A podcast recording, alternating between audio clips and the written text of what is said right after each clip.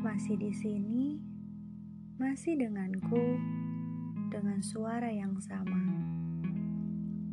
Gelap mungkin adalah bagian dari aku. Hitam, redup, suram, kosong, hampa. Ungkapan yang cocok dengan keadaan ini. Tak berwarna tak riang, tak terisi, tak ramai. Sinonim dari gelap versi aku. Tawa, cinta, harapan, tujuan adalah hal yang hilang dari bagianku. Ingin kuraih namun sangat tinggi.